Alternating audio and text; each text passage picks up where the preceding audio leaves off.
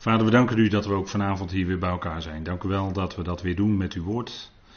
Dat u ons geeft en dat ons laat zien wie u bent. We danken u dat het ook door de tabernakel heen zichtbaar wordt. Als we de voorwerpen die daarin staan bestuderen. Dank u wel, Vader, dat iets dat zo lang geleden is vervaardigd en bekendgemaakt, dat het ons nog steeds boeit vandaag de dag als gelovigen. We danken u dat het spreekt van uw geliefde zoon en van het werk wat hij deed. Vader, we danken u dat we ons daarin mogen verheugen, u daarvoor mogen danken. En ook vanavond danken u, Vader, voor zoals we hier bij elkaar mogen zijn. En Vader, ons willen verdiepen en ook verheugen in dat woord van u. We danken u dat u ons daarin leiding door uw geest geeft. En we bidden u dat ook voor het spreken niet alleen, maar ook voor het horen. Geef ons een luisterend hart, dat we deze dingen mogen verstaan. En ook wat het in ons leven betekent, Vader. We danken u dat we geweldig uitzicht hebben op de toekomst ook die u geeft. We danken u dat we, Vader, zo als gelovigen stap voor stap mogen toeleven naar datgene wat u gaat geven. Vader, we danken u dat we zo deze avond aan u mogen opdragen. En Vader, mag het zijn tot lof en eer van uw naam bovenal. En mag het ook zijn tot opbouw van de gemeente. Vader, zo danken we u daarvoor in de naam van uw geliefde zoon. Amen. Goed, vanavond de inmiddels al vierde studie van typologie in de tabernakel. En dat is in dit verband dan de tweede keer dat we met elkaar spreken. En ook de tweede keer hier in deze studieserie in Soest. De tweede keer over de tafel van de toonbroden. En daar zal het toch vanavond wel helemaal eigenlijk over gaan, omdat daar nog wel het nodige over te vertellen is. We hebben gezien in eerdere studies, de, zijn we eerder, eerst tegengekomen, de, het brandofferaltaar en daarna het koperen wasvat. En toen zijn we de tabernakel daadwerkelijk binnengegaan en hebben we gezien de tafel van de toonbroden die staat in het noorden opgesteld. Daar hebben we de vorige keer weer stilgestaan. En nu willen we vanavond een aantal aspecten meer met elkaar bekijken. En u ziet hier op deze dia, of uh, hoe noem je dat, slide, uh, de tafel. En de tafel die heeft uh, poten met ringen en draagstokken. Zodat die, die hele tabernakel was natuurlijk eigenlijk een portable gebeuren. Hè. Je kon ingepakt en gedragen worden, want ze waren op reis door de woestijn.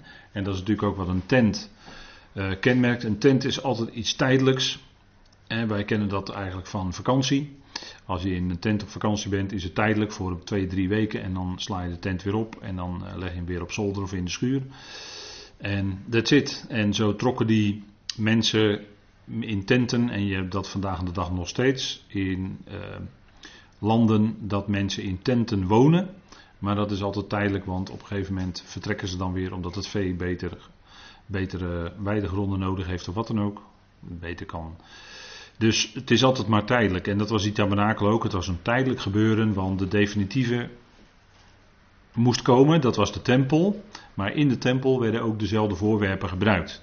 En ook in de toekomst, dat was in het verleden, maar ook in de toekomst weten we dat er een tempel zal staan. Een geweldige tempel zoals die beschreven wordt door de profeet Ezekiel. In de hoofdstukken 40 tot en met 48, die staat dan in de duizend jaren. En op de nieuwe aarde is er geen tempel meer nodig, want dan zal de Heere God zelf bij de mensen wonen, staat er dan. Hè? En dan zal hij zelf onder hen, staat er tenten of tabernakelen. En dan is er geen tempel meer nodig. Dus de tempel is eigenlijk ook niet definitief, maar het is wel een gebouw wat uit steen is opgetrokken. En wat dus wel een definitiever karakter heeft dan de tabernakel. En die tabernakel bevatte dus de tafel van de toonbroden, die dus ook via die draagstokken door die ringen gedragen kon worden. Dat mocht alleen door de levieten gebeuren. En de, de, we zien dus dan ook vier poten en een tafelblad. Dat is ook weer de bekende verhouding. En daarin zit dan een betekenis. Uh, de bekende verhouding 4 staat tot 1. Vier poten en dit ene tafelblad. En die 4 staat tot 1 verhouding, die komen we wel vaker tegen in de schrift. Soms verborgen, maar ook soms um, wat duidelijker aan de oppervlakte. En dan denk ik met name aan, en dat heb ik wel eens in andere studies ook aangegeven, dat toen onze Heer gekruisigd werd, toen werd hij gekruisigd tezamen met vier anderen. Als je de Evangelie goed leest, en je legt ze goed op een rij en je let op de gebeurtenissen, dan kun je zien dat er op een gegeven moment eerst twee rovers, of een rover en een misdadiger, en daarna nog een keer. Dus er hingen met de Heer twee rovers en twee misdadigers aan het kruis. Dus vier samen met die ene. Dus dan heb je ook die verhouding 1 staat tot 4. En we hebben dan ook de verschillende soldaten onder het kruis. En die verdeelden dan zijn klederen. En dan was er ook één kleed wat was uit één stuk geweven, zonder naad. En dat hebben ze dan, daarover hebben ze dan het lot geworpen. Hè? Dat deden de soldaten, het lot geworpen, zoals het in de psalmen al stond. Dat zij zouden, ik meen in psalm 22 staat dat, of in psalm 69, daar wil ik even af zijn. Maar er staat dat zij hebben het lot geworpen. En dat gebeurde ook letterlijk later, vele honderden jaren nadat er door de psalmist was geprofiteerd. Gebeurde het ook bij het kruis. En ook daarin zag je dan die verhouding 4 staat tot 1. En dat wil eigenlijk zeggen dat die hele wereld, twee rovers, twee misdadigers, daarin werd gesymboliseerd de hele mensheid. De hele wereld werd samen met hem, met die ene gekruisigd. die oude mensheid, zegt Paulus in Romeinen 6, werd samen met hem mede gekruisigd. En daaraan zien we ook dat die oude mensheid onder de zonde, die verdiende eigenlijk maar één plek. Dat was om mede gekruisigd te worden met hem. En daarin nam hij ook die hele oude mensheid mee. Die is dus mede gekruisigd. En dat is voor ons ook een geestelijke waarheid. Paulus spreekt ervan in Romeinen 6. Dat wij naar onze oude mens mede gekruisigd zijn met Christus. En dat die oude mens dus ook mede begraven is. Hè, mede gestorven is, mede stierf met hem, maar ook mede begraven werd. Zo staat in Romeinen 6. Hè.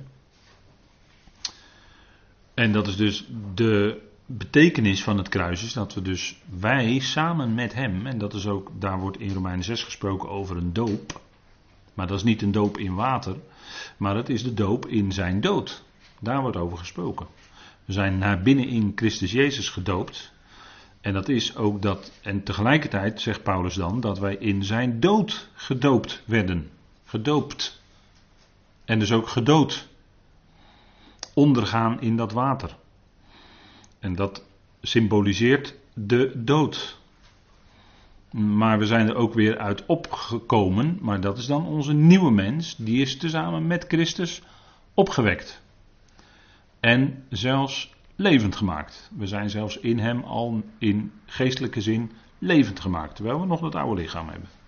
Heel wonderlijk, maar daardoor maakt God onze stervende lichamen zelfs levend. En gebruikt hij het in zijn dienst. En dat is uh, eigenlijk voor ons een ABC-waarheid die ik u nu vertel. Maar dat is voor veel gelovigen nog moeilijk hoor, want die leven bij de vergeving. Terwijl de medekruisiging met Christus, dat gaat veel verder. Dan praat je over rechtvaardiging en verzoening. En dat gaat veel verder dan vergeving. Dus die vier met die één. Hè? En eh, wat meer verborgen is, wat meer verborgen is in de schrift, is dat als je de getalswaarde gaat nemen van de uitdrukking, en dan ben ik dus in het Hebreeuws, en helemaal aan het begin van de Bijbel, als je de getalswaarde gaat nemen van de uitdrukking de boom van het leven, en je zet die tegenover de boom van kennis van goed en kwaad, dus die hele uitdrukking, als je die op gaat tellen, is dat ook de verhouding 1 staat tot 4. Dus de totale getalswaarde van die twee uitdrukkingen is 1, boom des levens, staat tot 4, boom van kennis van goed en kwaad. Dat is ook heel wonderlijk. Hè? En zo heb je ook in eh, de Hof heb je ook eh, die ene rivier. Die vertakt dan in vier rivieren. Hè? Er is één waterstroom, maar die vertakt zich dan uit in vier rivieren. Dat is ook verhouding 1 staat tot 4. En ik zou u daarvan nog meer dingen kunnen noemen in Genesis, die verhouding 1 staat tot 4. Maar dat wil zeggen dat die 4 is eigenlijk een uitdrukking van deze hele wereld. We spreken over de vier hoeken van de aarde. We spreken over de vier windstreken. Of zelfs windhoeken. Hè? Uit welke hoek waait de wind vandaag? Dan zeggen we nou noordoost. maar je hebt natuurlijk officieel vier en combinaties, maar goed. Die vier symboliseert dus, dat, dat is eigenlijk het getal van de hele wereld. Van ook het zichtbare. Terwijl als die één erbij komt, dat is eigenlijk dan de vijfde. De vijf is datgene, daar heb ik de vorige keer ook iets over gezegd, is wat de vijf is, heeft te maken met de verborgen dingen. En wat uit dat verborgene, God, God is geest, en die is sowieso dan verborgen voor ons, die kunnen we niet waarnemen. Maar vanuit dat verborgene geeft God zijn zegeningen, zijn genade. En dat, is, dat heeft allemaal met die vijf te maken. En de vijf is ook de letter He in het Hebreeuws.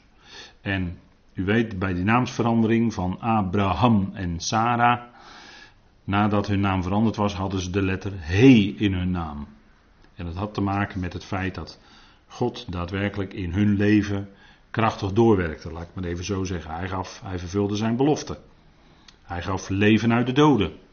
En daarin zegende hij ze met hun zoon Isaac. En dat was eigenlijk de zoon van de belofte. En dat was dus ook een genade die God gaf in hun leven. Heeft allemaal te maken met die letter He ook, hè? Dat symboliseert dat. Dus dat.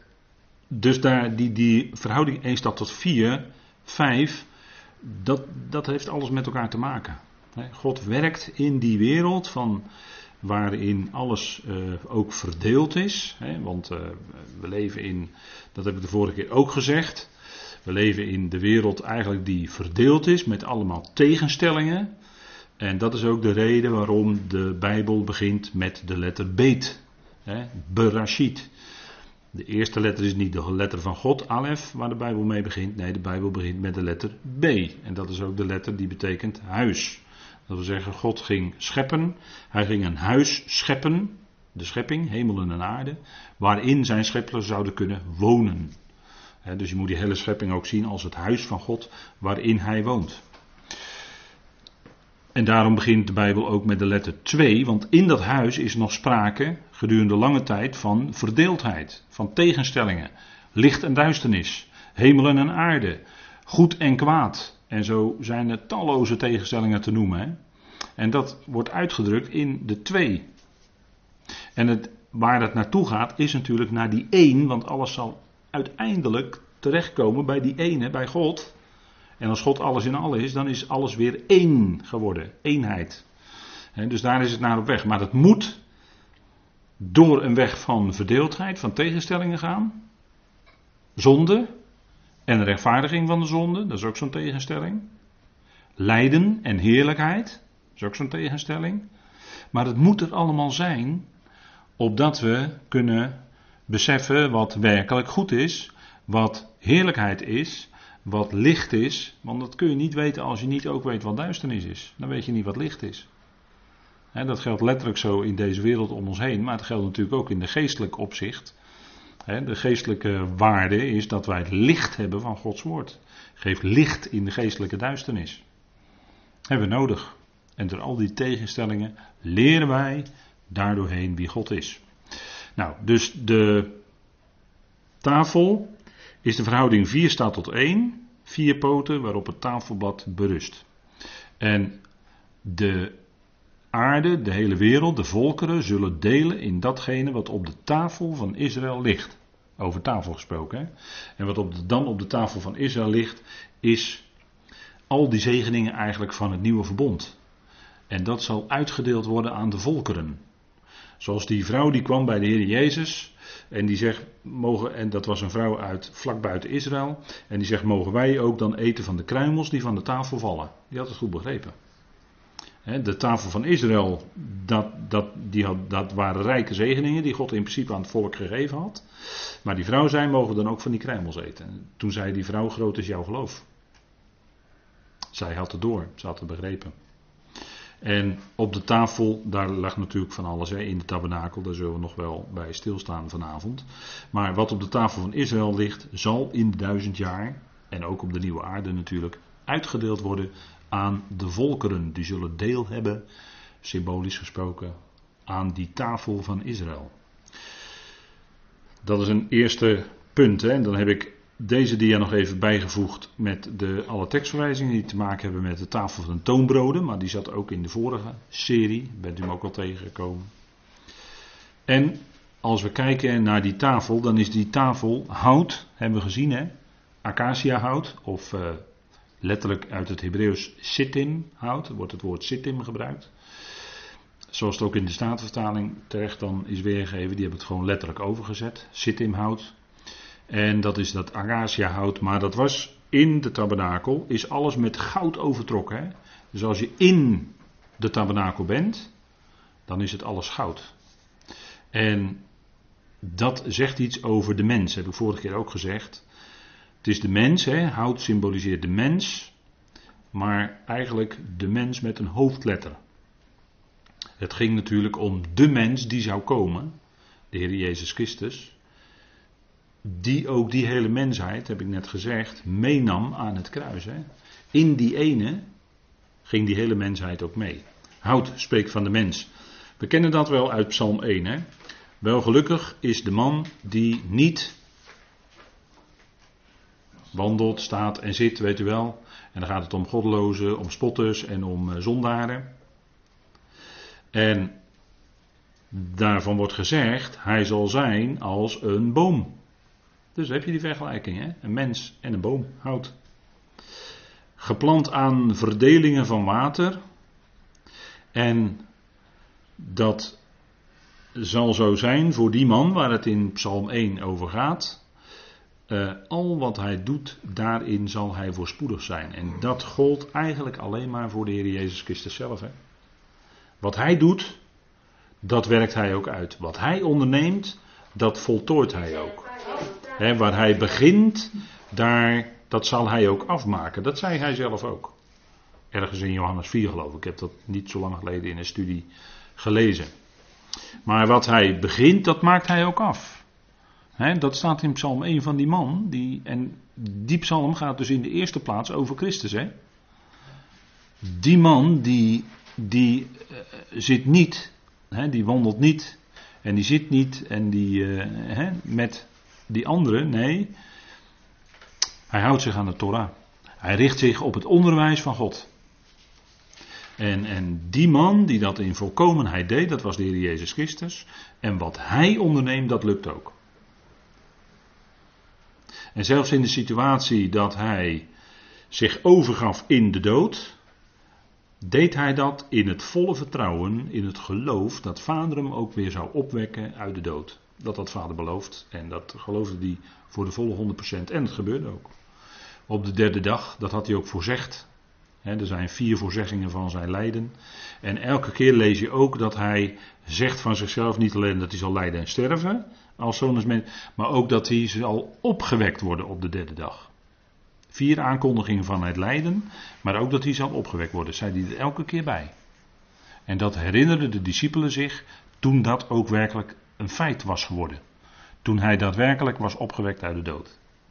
Dat is natuurlijk iets geweldigs. Hè? Nou, die mens, daar gaat het eigenlijk over in de tabernakel. Al dat hout spreekt eigenlijk van die ene grote mens, de Heer Jezus Christus. En dat wij als mensen daarin meegenomen worden, dat is geweldig natuurlijk. Maar het evangelie gaat eigenlijk over God en over Christus. Dat is het evangelie. Dat is goed nieuws. Wat die hebben gedaan, dat is het evangelie. En dat wij dan als mensen daarin meegenomen worden en dat heil en die redding vinden en eigenlijk in onze schoot geworden krijgen, want het is allemaal om niet, hè? Dus om niet. In ons was er geen enkele reden om het aan ons te geven, maar het is nu eenmaal de rechtvaardiging van de goddelozen. Dat is het evangelie. Nou, dat is natuurlijk geweldig, hè? Daar worden wij dus in meegenomen. En dat is geweldig dat wij in dat werk betrokken meegenomen worden. Nou, heerlijkheid. Ik heb hier even op deze. Een aantal trefwoorden gezet op deze slide. Heerlijkheid, opstanding, hè, dat symboliseert het goud.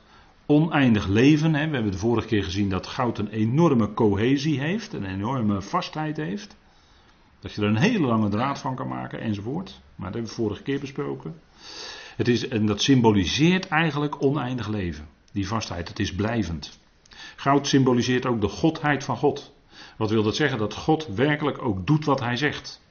Dat hij zijn plan uitvoert en dat hij dat plan ook helemaal voltooit. dat plan van Eonen, dat heeft hij niet alleen ondernomen, maar hij maakt het ook af. En hij komt daar waar hij wil komen. Dat einddoel, daar zal hij ook komen. En dat hij dat, dat bereikt door alles heen, ja, dat is de godheid van God. Hij doet wat hij beloofd heeft. Hij is degene die koningen aanstelt en afstelt. Dat is de God des hemels. Dat erkende Nebukadnezar op een gegeven moment. Die God, nou dat is de godheid van God, die staat boven alles. En de mens vanaf vandaag de dag, die denkt in zijn hoogmoed en in zijn waan dat hij heel wat is. Maar in feite heeft hij natuurlijk gewoon helemaal niks te vertellen. Kijk maar als er een ziekte uitbreekt, wat we nu ook weer meemaken. Moet je kijken wat voor wereldwijde gevolgen dat heeft. Ook al in de economie nu. En dan denken wij als mensen dat wij het allemaal kunnen, kunnen doen en kunnen, kunnen maken. Ja, nee, wacht even. God heeft de zaak in handen. En dat is maar goed ook. Want de mens zou het binnen de kortste keren uit handen lopen. De godheid van God, dat staat bovenaan. Dat is het goud van het evangelie. Hè? En dat, we, dat is ook in ons persoonlijk leven zo. Als we denken, en dan hebben we het over wel eens, dat noemen we wel eens. Dat staat niet letterlijk zo in de schrift. Maar dat noemen we wel eens de gouden schakels van Gods heilshandelen met ons. In Romeinen 8. Dat hij ons tevoren gekend heeft, tevoren bestemd. Dat hij ons roept en dat hij ons rechtvaardigt en verheerlijkt. Heb je de vijf. Genade. Ten volle. En dat is alles Gods werk. Daar hebben wij zelf helemaal niets in te doen. Kunnen we helemaal niets in doen. Nou, dat is eigenlijk de schakels van zijn heilshandelen met ons. Hè? Dat is goud. En de opgestane Christus, het leven wat hij ontving, leven zonder einde, onsterfelijkheid, levendmaking, nou dat is goud. Dat is het goud van het evangelie. dat, symbool, dat goud symboliseert de opgestane Christus, de opstanding die hij heeft ondergaan, dat blijvende. En daarom werd alles overtrokken met goud, want eens zal die hele mensheid om het zo maar eens te zeggen, overtrokken zijn met goud. Dat wil zeggen opgewekt zijn en levend gemaakt. En dat is het eh, uiteindelijke doel waar God zal uitkomen. Goud. U moet er met zuiver goud overtrekken. Zuiver, dat wordt er nadrukkelijk bij genoemd. Zuiver is heel hoogwaardig goud. Hè? Dat is niet 24 karaat, maar dan, uh, ik weet niet hoeveel het kan worden. 48 karaat of 72 karaat, ik weet het niet. Misschien zijn er deskundigen, maar uh, het is in ieder geval een heel hoog karaatgehalte en dat is zuiver goud. En dat woord zuiver wordt ook vaak gebruikt als, als het woord voor rein. Dus dat de priester, als de priester zich gewassen heeft, rituele wassing bij het wasvat, dan was die ritueel rein om de dienst te verrichten. En dat is hetzelfde als wat wij ook zijn.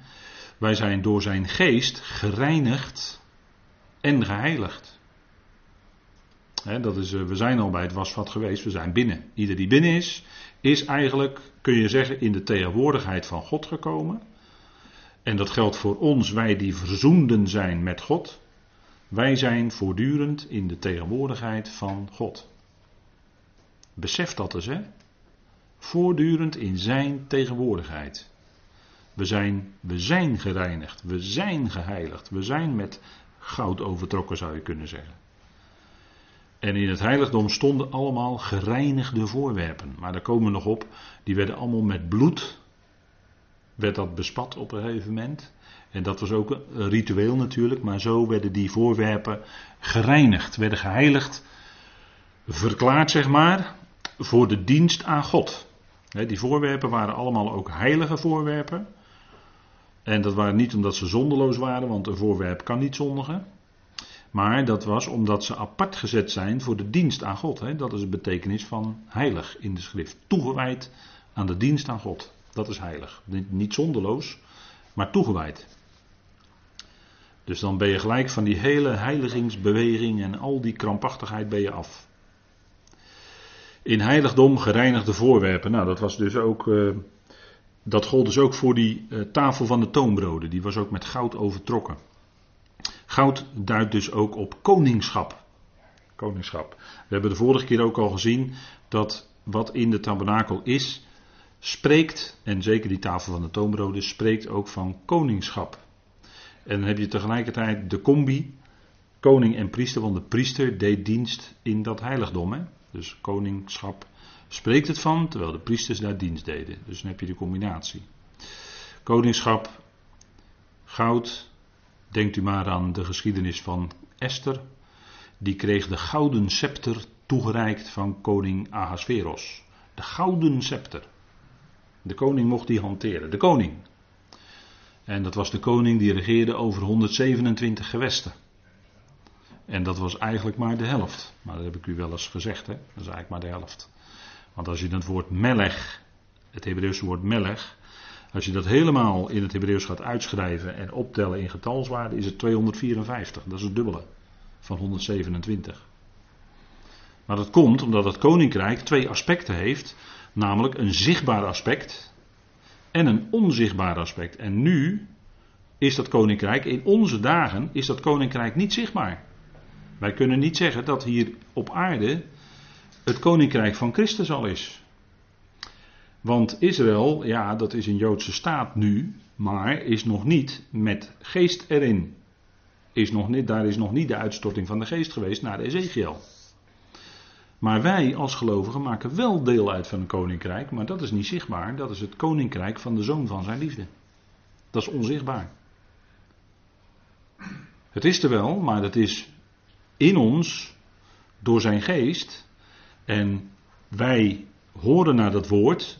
En dat woord regeert over ons leven. En zo regeert de Heer over ons leven. Maar dat is niet een gebied op aarde. Wat afgeperkt is, wat een land is en waar een, letterlijke koning is. Nee, dat is allemaal geestelijk. Dat is allemaal niet zichtbaar. Het is alleen zichtbaar bij de gelovigen. Als je erop let. En dat is wat Paulus ook zegt in uh, Romeinen 14 bijvoorbeeld. laten we het even met elkaar opzoeken. Dan, daar ziet u dat het een andere aspecten in deze tijd heeft. En in de studies Colossense hebben we gezien dat wij deel hebben aan het koninkrijk van de zoon van zijn liefde. Anders moet u, als u daar meer over horen, dan verwijs ik u naar die studies. Maar in Romeinen 14 zegt Paulus dat, dan gebruikt hij dat begrip ook. Romeinen 14.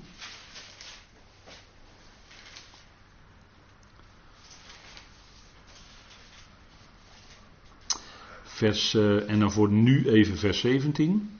En dan gaat het over die voedselkwestie.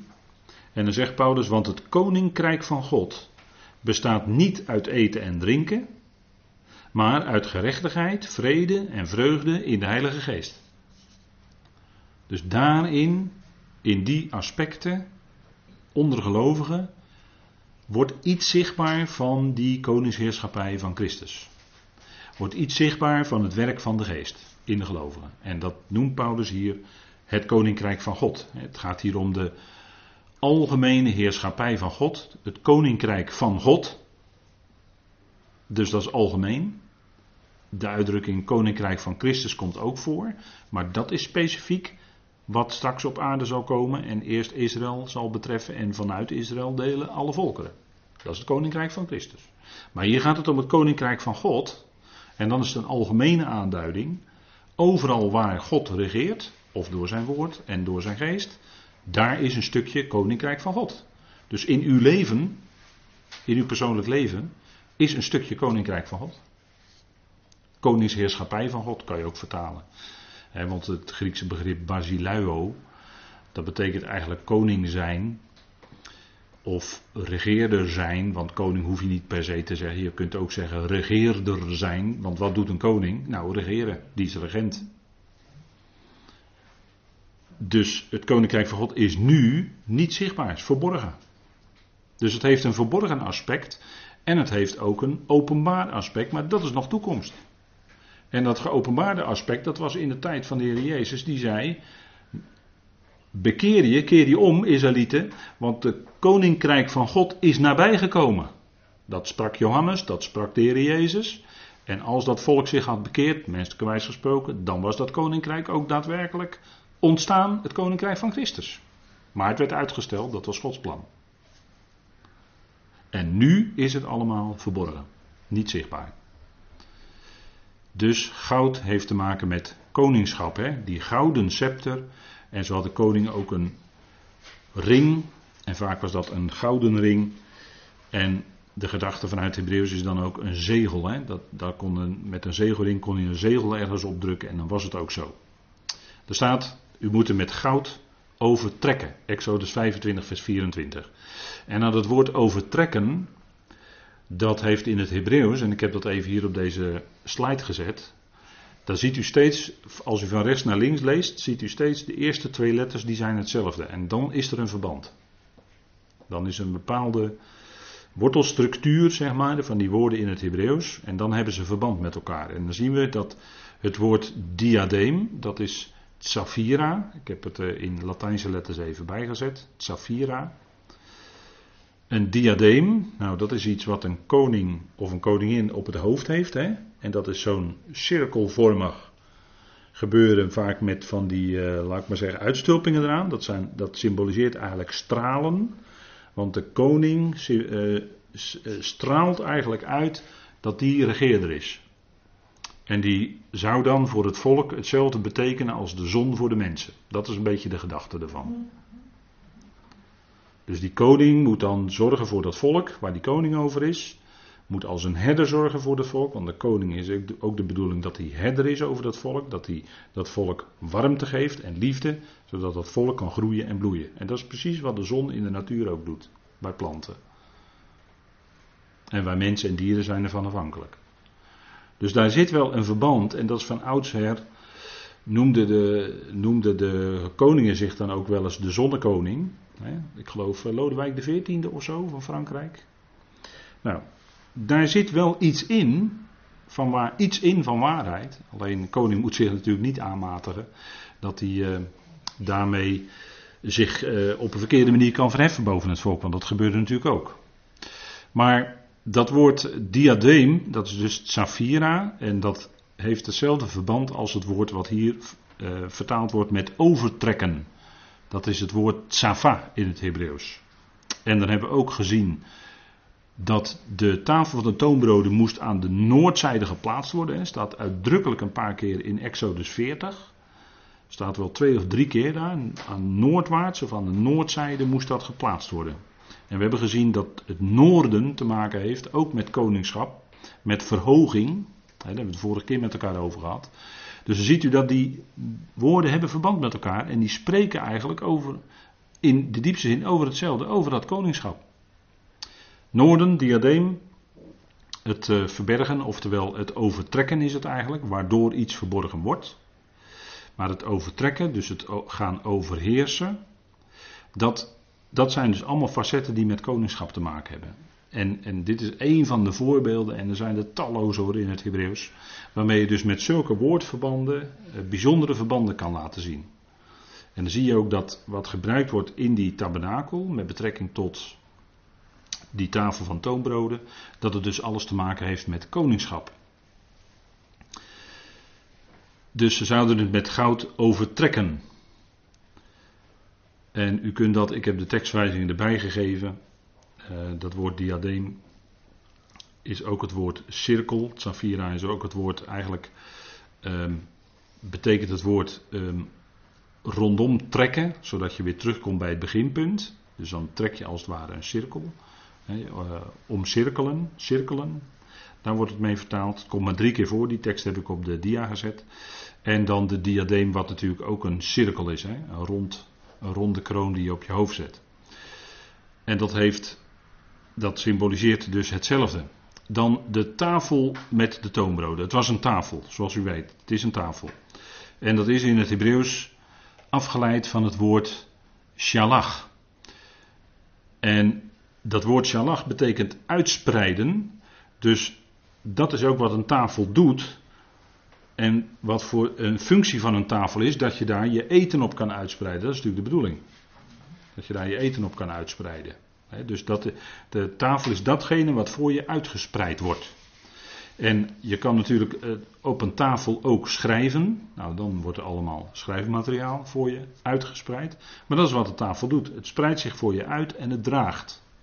En uh, dat is doorgaans, aan een tafel ga je gezamenlijk zitten voor een maaltijd ga je gezamenlijk maaltijd houden. Als je een gezin hebt, dan uh, zit je doorgaans s'avonds aan de tafel en houd je met elkaar de maaltijd. Daar hebben we ook vorige keer wel eens wat meer over gezegd. Hè? Dus tafel met toonbroden, er lagen ook broden op. Dus de bedoeling dat er ook van gegeten wordt. Het symboliseert, het symboliseert een tafel. En ja, dat gevoel voor symboliek zijn we wel eens een beetje kwijt. Maar het symboliseert natuurlijk gemeenschap. Als je aan een tafel gezamenlijk zit, is dat gemeenschap. Je eet met elkaar. Daarmee zeg je ook, je deelt het leven met elkaar. Want eten doe je om in leven te blijven. En je spreekt met elkaar, dat is ook leven. Dus in die zin deel je ook het leven met elkaar. Hè? Als je s'avonds eet gezamenlijk, dan neem je met elkaar de dag door. En dan deel je dus ook je leven met elkaar. Of je gaat wel eens met vrienden of met de hele familie ergens uit eten. En dan ga je speciaal aan een tafel zitten om met elkaar het leven te delen. En het is aan de andere kant ook een uitdrukking van de eenheid. Want als je gezamenlijk aan tafel zit, dan ben je eventjes op dat moment één aan die tafel. En Paulus zegt dan ook in 1 Corinthië 10, als, uh, als hij het heeft over die gezamenlijke maaltijden van die Corinthiërs, dan zegt hij ja, jullie zijn eigenlijk, en daarmee wil hij eigenlijk die Corinthiërs aanprikken, omdat in die gemeente in Korinthe was verdeeldheid. Er waren groepjes. En hij wilde tegen zeggen, kijk, jullie houden die gezamenlijke agape maaltijden. En daarmee heb je allemaal deel aan één brood. En dat beeld gebruikt Paulus om te zeggen: jullie hebben allemaal deel aan dat ene lichaam van Christus. Dat is jullie eenheid, Corinthiërs. Maar in de praktijk zijn jullie vleeselijk bezig, verdeeld dus. Dat was niet de bedoeling. Dus vandaar dat hij er zo over spreekt. Ze hebben deel aan dat ene brood, hè, zegt hij in 1 Korinthe 10. Jullie zijn aan één brood, hebben jullie deel. En besef dan dat je deel bent van dat ene lichaam van Christus. Dat bedoelt hij eigenlijk. En ze hadden dus ook deel aan dezelfde wijn, hè, want er werd natuurlijk in het Midden-Oosten is dat veel sterker dan hier. Maar, en in uh, zuidelijke landen is dat sterker. Dat ze bij de maaltijden gebruikten ze wijn. Dat is heel, heel gewoon daar. En in het Midden-Oosten was het ook zo. Er werd er wijn bij geschonken. Je mag ook uh, zeggen druivensap hoor. Maar ze hadden allemaal deel ook aan diezelfde beker. En Paulus gaat dan in dat volgende hoofdstuk nog een stapje verder. Door tegen de Corinthiërs te zeggen: Kijk, jullie houden die gezamenlijke maaltijden. Maar bedenk nou eens wat dat brood ten diepste voorstelt. Ten diepste stelt dat voor jullie Heer. En die wijn stelt voor. En denk daarbij dan terug aan dat bloed wat hij vergoot, dezelfde kleur, dat bloed wat hij vergoot, het lijden dus, het lijden wat hij voor jullie heeft gedaan, om jullie tot één te doen zijn. Bedenk dat, Corinthiërs. En die eenheid was bij die Corinthiërs ver te zoeken. Hun maaltijden waren niet tot eer als ze als gemeente samenkwamen. En ze gebruikten de agape-maaltijd. In die tijd was dat uh, aanwezig. Dan gingen ze uitgebreid een hele maaltijd met elkaar houden. Eten en drinken. Maar dat was bij hun tot oneer. Want de een was hongerig en de ander was dronken, zegt hij. Dat was tot oneer. En, dan zegt, en daarom zegt hij: Bedenk nou eens dat als je een maaltijd viert, bij dat brood, denk dan aan jullie Heer. En jullie drinken daarbij wijn, denk dan aan jullie Heer. En leef onder elkaar ook daarnaar. En wat doet Paulus dan? Dan wijst hij op de wijze waarop de Heer met zijn discipelen maaltijd hield.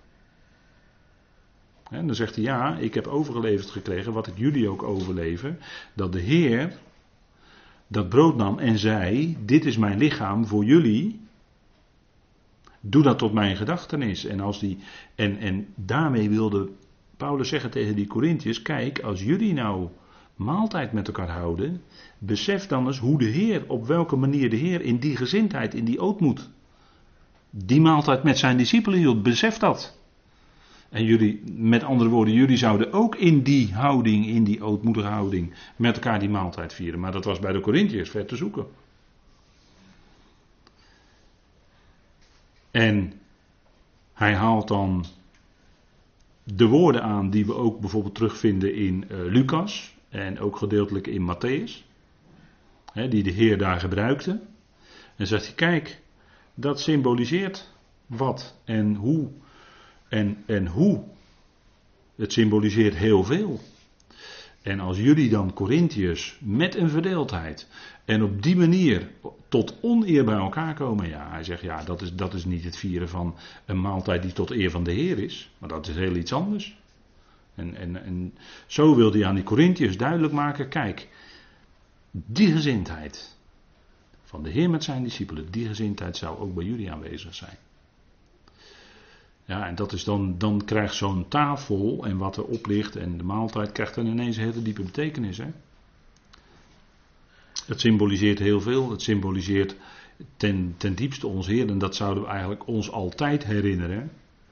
Als we eten en als we brood eten en als we misschien, ja misschien doet, zegt u nou ik neem druivensap en de andere drinkt bij het eten wel eens een wijntje. Nou bedenk dan wat dat voorstelt.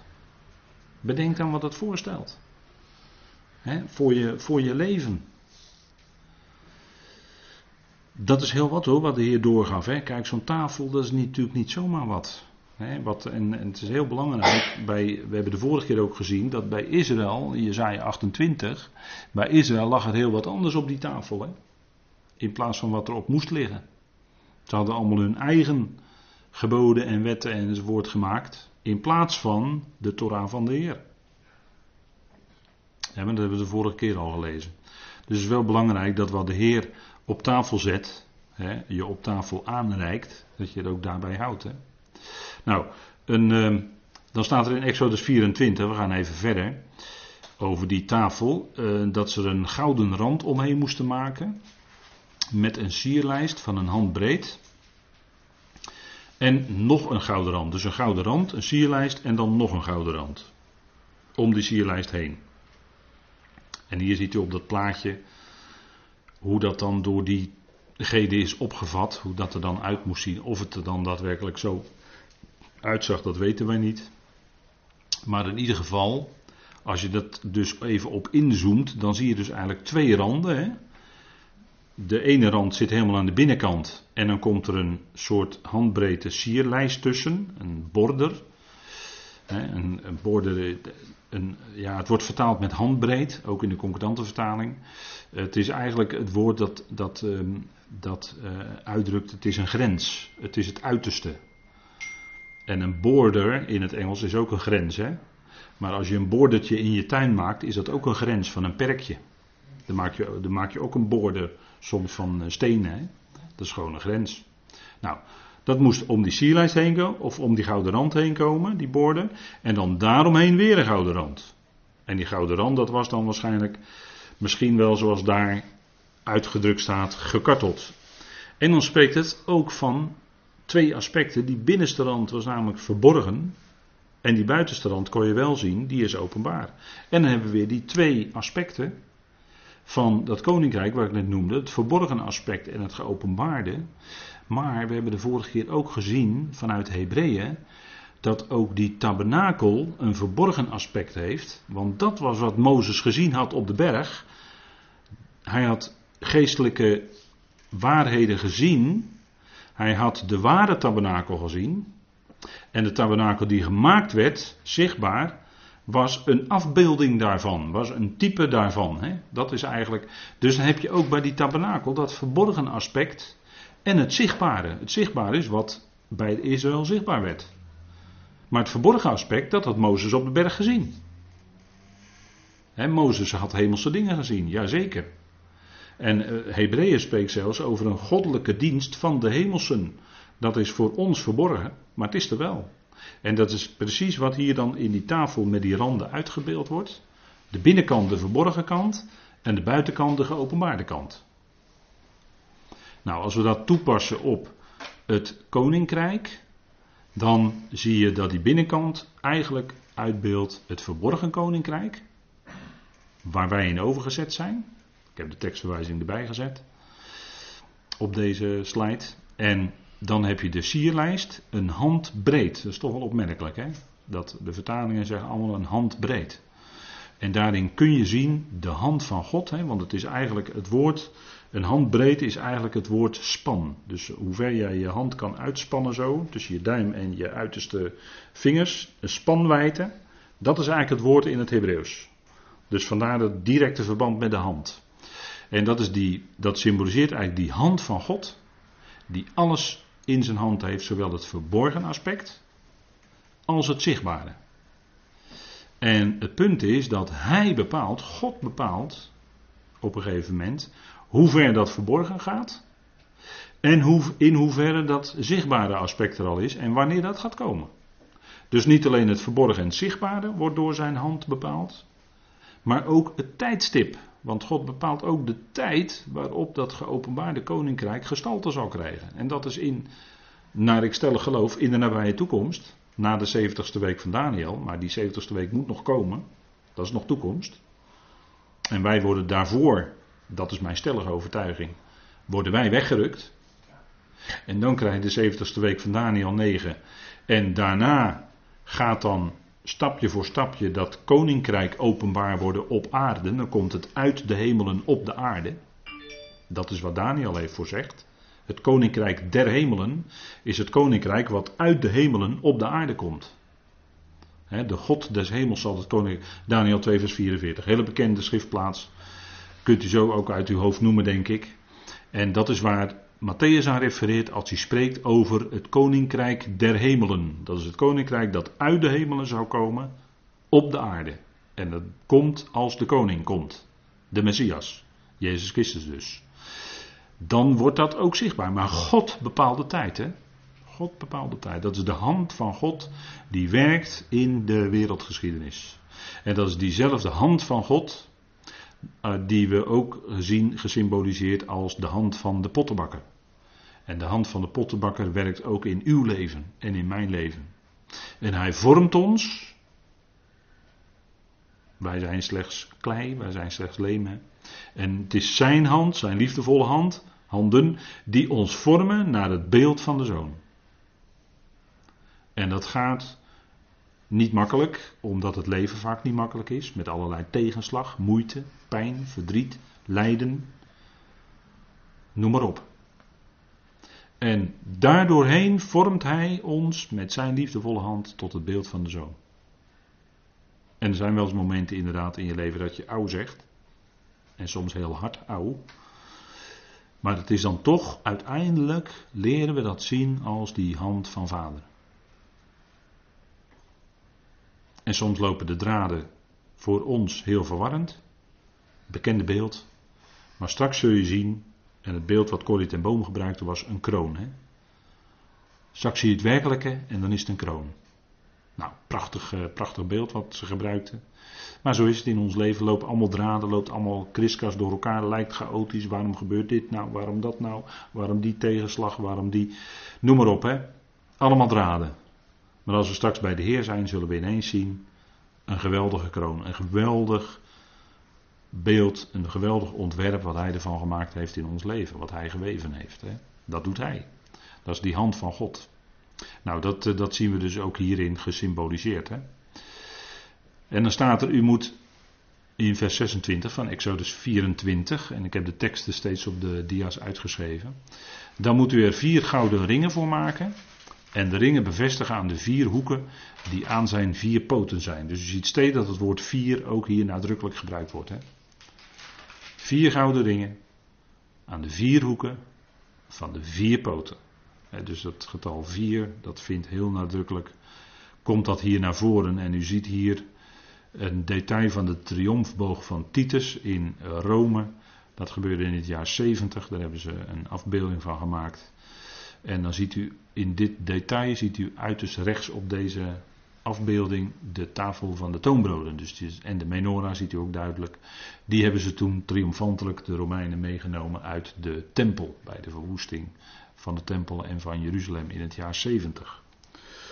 Maar hebben ze dus ook die tafel van de toonbroden meegenomen die zoveel eigenlijk uitdrukt. Hè, die zoveel symboliseert. De ringen, staat er dan, vers 27, zullen overeenkomen met de met de border voor de behuizingen van de palen om de tafel te dragen. Dus die ringen die zaten aan vier kanten, ergens bij of onder eh, in de buurt van de borden of wat dan ook, hoe dan ook.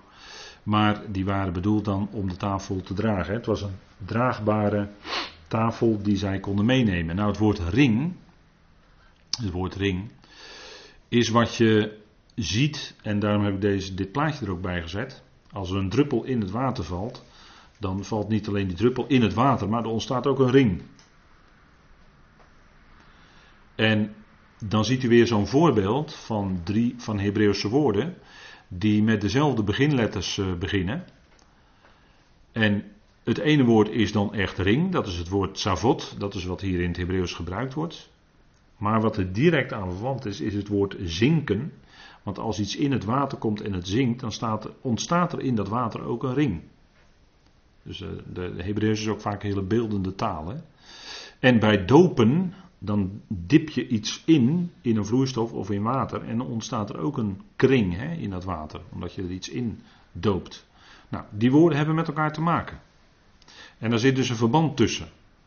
En dat is ook wat, uh, kijk, een ring is iets dat geen einde kent eigenlijk. Hè? Het is uh, rond en het is eigenlijk eindeloos. Nou, het waren gouden ringen. En dat duidt eigenlijk op dat leven, hè, dat, dat oneindige leven, wat van God afkomstig is en wat Hij door, door zijn geest in ons heeft gegeven. Dan dat zinken, hè, dat is dat je ondergaat en dan ga je als het ware door een ring heen. Of je doopt iets, en we hadden het net al even over dopen. Maar als het in water is, hè, of in een vloeistof ondergaat, dan symboliseert dat eigenlijk de dood. En als je eruit komt, bijbels gezien, wat aan ons gebeurd is, en als je eruit komt, dan is het nieuw. Dus dat oude blijft achter, en wat eruit komt is nieuw. Dat is eigenlijk dopen. dat is eh, symboliek. dat woord dopen wordt daarvoor gebruikt. En dat is eigenlijk wat dat uitdrukt. Hè? Die draagstokken die werden door die ringen heen gestoken. En dat symboliseert eigenlijk dat je van het een, je gaat er doorheen. En als je er doorheen bent, dan is het anders geworden. Dat is ook wat, uh, ga maar na, hè, als iets ten onder gaat in het water. Denk bijvoorbeeld aan het volk Israël. Toen zij Canaan binnentrokken. Toen week de Jordaan. Zij trokken door de Jordaan. Het pad was droog, weliswaar. Maar in feite gingen zij onder in die Jordaan en kwamen er weer uit. En kwamen zo in het beloofde land. En dat symboliseert eigenlijk ondergaan helemaal in dat water, dus de dood. Maar ze kwamen er ook weer uit en ze kwamen in Canaan, het beloofd land, opstanding, leven. Dat is dat hele gebeuren. Als je dat leest in Jozua, dan is dat hele gebeuren spreekt aan alle kanten over opstanding. En dat is in feite ook wat uh, in de symboliek betekent uh, dat je door dat iets door een ring heen gaat. Dan wordt iets ook gereinigd. Want in de opstanding is dat nieuwe leven en dat nieuwe leven is helemaal heilig en zuiver. Kijk, dit soort symboliek, dat, ja, dat, dat kennen we niet zo goed. Maar dat is uh, bij volkeren best wel bekend. Alleen wij in de westerse wereld, wij, wij kennen dat niet meer zo. Hè? En dat is, wat, dat is eigenlijk heel mooi, dat je de, dat dus ook in die Hebreeuwse woorden terug ziet komen. Hè, die met dezelfde beginletters beginnen. Dan heeft dat een nadrukkelijk verband met elkaar. En, en uh, dat is natuurlijk wat. Uh, en tezamen met het goud, hè, wat zuiver goud was. Of je kan ook zeggen wat rein goud was, of gereinigd goud. He, daar is alle onzuiverheid uitgehaald. En wat blijvend is, die ringen waren van goud. Nou, dat is allemaal beeld van opstanding, reiniging, heiliging, hoe wil je het noemen. Er staat er ook, ring is zonder einde. Het is het beeld van de onvergankelijkheid, van de onverderfelijkheid. En de draagbomen die door die ringen werden gehaald, want daarna moesten die draagbomen erin blijven. Hè? Toen ze gemaakt waren, moesten de draagbomen erin, God ook voor de ark. Draagbomen erin en die mochten er niet meer uit, die moesten op hun plek blijven. Dus er was niet elke keer eruit halen weer opnieuw, nee. Dat, en dat drukt natuurlijk uit, dat gebeurt eenmalig. En dat verwijst natuurlijk uiteindelijk, hè, in, de, in de symboliek verwijst dat natuurlijk naar het eenmalige werk van Christus. Eenmaal was voldoende. Terwijl de dienst in de tabernakel en de offeranden, die werden steeds herhaald. Maar dat was om duidelijk te maken dat het nog die dienst, dat die offers, dat het allemaal onvolkomen was en het wachten op die ene die zou komen. Bij wie het wel definitief was. Maar in feite zaten in die symboliek zat al dat verwerkt dat het een eenmalige zaak zou zijn. Je zult de draagbomen van sittimhout maken, staat er in vers 28. Dus ook weer dat sittimhouten. En ze met goud overtrekken. De tafel zal doorheen gedragen worden.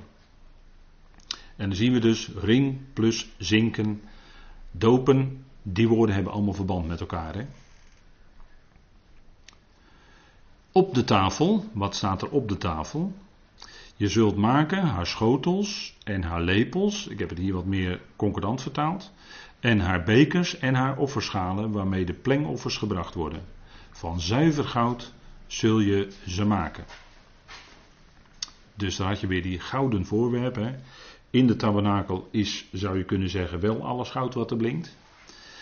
En dat laat natuurlijk zien waar het om gaat. Hè. Je bent in de tegenwoordigheid van God en dan zijn het blijvende dingen. Wij die verzoend zijn met God, zijn dat eens en voor altijd. Dat kan nooit meer ongedaan gemaakt worden. Dat is blijvend. We zijn blijvend in zijn tegenwoordigheid. Zijn geest is altijd in ons. We zijn altijd bij hem in beeld. Als wij bidden, dan hoort hij absoluut hoort alles wat we bidden. Ook de onuitgesproken gebeden die we niet kunnen horen van elkaar, maar die wel in ons hart zijn en die hoort hij ook. En dat is blijvend. En zo leven wij in de tegenwoordigheid van God. Hè? Dat is als je in de tabernakel bent. Wees dat wel bewust. Dat is in de tegenwoordigheid van God leven, is in gemeenschap met God leven. Dat is zijn woord horen en dat beantwoord je en je bidt en je dankt en enzovoort enzovoort.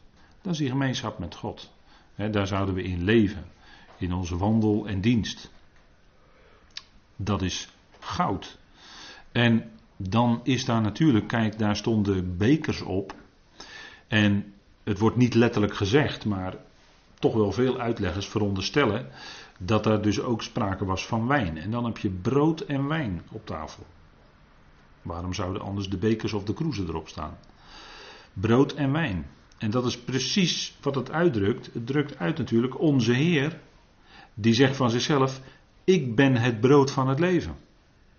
En hij zegt ook van zichzelf: Ik ben de ware wijnstok. En natuurlijk, zijn vader is de landman, hè? zijn vader is degene die ervoor zorgt. Maar hij kwam, hij kwam en hij zei dit van zichzelf. Johannes Evangelie is heel mooi, hè? het is vol met metaforen, dit zijn natuurlijk metaforen. Maar hij zegt van zichzelf: Kijk, ik ben het brood van het leven. Je neemt dagelijks dat brood tot je, dat is voedsel om te kunnen leven. Maar in de geestelijke zin is hij dat.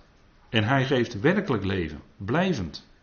Hij zei van zichzelf ook: Ik ben het brood dat uit de hemel is neergedaald. En hij zei van zichzelf: Ik ben de ware wijnstok. Als je in hem je vreugde vindt, dan is dat blijvende vreugde. En dat is natuurlijk waar de wijn van spreekt. Het spreekt van vreugde. Maar degene die werkelijk onze ons eten en drinken is, dat is Hij. En laten we ehm, Johannes 6 zegt de Heer dat. En ik denk dat het goed is om even met elkaar dat te lezen. Maar eh, ik denk dat het goed is om op dit moment even te pauzeren. En dan gaan we na de pauze met elkaar verder lezen in Johannes 6.